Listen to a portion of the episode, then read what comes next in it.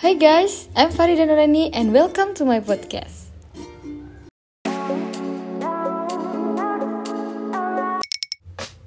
Melihat bulan di tengah malam, ditengani angin di kala sepi. Izinkan aku ucapkan salam sebelum memulai podcast ini.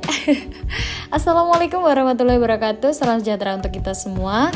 Sebelumnya terima kasih buat kalian yang udah mau dengerin podcast aku guys. Jadi ini tuh podcast pertama aku dan mohon maaf uh, kalau misal aku ada salah-salah kata, misal uh, terlalu cepat atau gak jelas ya mohon dimaklumi ya guys. Jadi kan ini kan uh, podcast pertama aku gitu. Oke okay guys, gimana nih kabarnya? Alhamdulillah semoga kita selalu dalam lindungan Tuhan Yang Maha Esa ya. Oke, okay. BTW ini kan udah setahun lebih ya COVID itu ada di Indonesia. Terus langkah dari pemerintah kan sekarang udah ada vaksin. Jadi kalian di sini udah pada vaksin belum? Ayo ngaku. Pasti kan di sini juga ada yang takut vaksin gitu gak sih? Kenapa sih kalian takut vaksin? Mendingan kan kita buru-buru vaksin gitu ya, biar keadaan pandemi ini tuh cepet hilang dari bumi ini terus kita tuh bisa menjalani kehidupan kayak biasanya yang kerja bisa kerja yang kuliah bisa kuliah yang sekolah bisa sekolah terus yang maba ini kayak aku itu kayak aduh pengen banget nih masuk kuliah kayak menginjakkan kaki di kampus tuh kayak aduh I'm so excited pengen banget offline gitu terus informasi yang aku dapatkan dilansir dari promkes.kemkes.go.id Vaksinasi COVID-19 hingga saat ini masih terus dilaksanakan sebagai upaya pemerintah dalam menangani pandemi yang sudah berlangsung lebih dari satu tahun. Pemerintah baru saja meluncurkan gebiar vaksinasi COVID-19 untuk meningkatkan cakupan vaksinasi bagi seluruh masyarakat Indonesia, khususnya lansia. Uh, kemarin aku itu dapat info ya guys kalau misalnya itu yang uh, bisa vaksin itu yang umurnya udah 18 tahun ke atas gitu. Tapi kok sekarang mall-mall itu udah dibuka tapi harus menunjukkan bukti kalau kita udah vaksin. Dan peraturan yang terbaru itu yang boleh masuk mall itu uh, untuk anak yang usianya 12 tahun ke atas. Nah, terus yang 12 tahun ke atas di bawah 18 tahun yang belum vaksin kayak gimana tuh? Berarti kan nggak boleh masuk gitu ya, Pak? Jadi guys, di mana-mana itu kayak mencanangkan, ayo kita vaksin, kita vaksin gitu.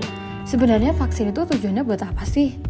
Uh, kalau yang belum tahu ya, vaksin itu dibuat itu bertujuan untuk menciptakan kekebalan kelompok agar masyarakat Indonesia itu kembali produktif dan terlepas dari belenggu pandemi dari pandemi COVID-19 ini yang benar-benar sangat merugikan semua aspek mulai dari perekonomian, pendidikan, uh bener-bener kayak berhasil banget nih si COVID ngerusak ngerusak generasi penerus Indonesia yang sangat emas gitu.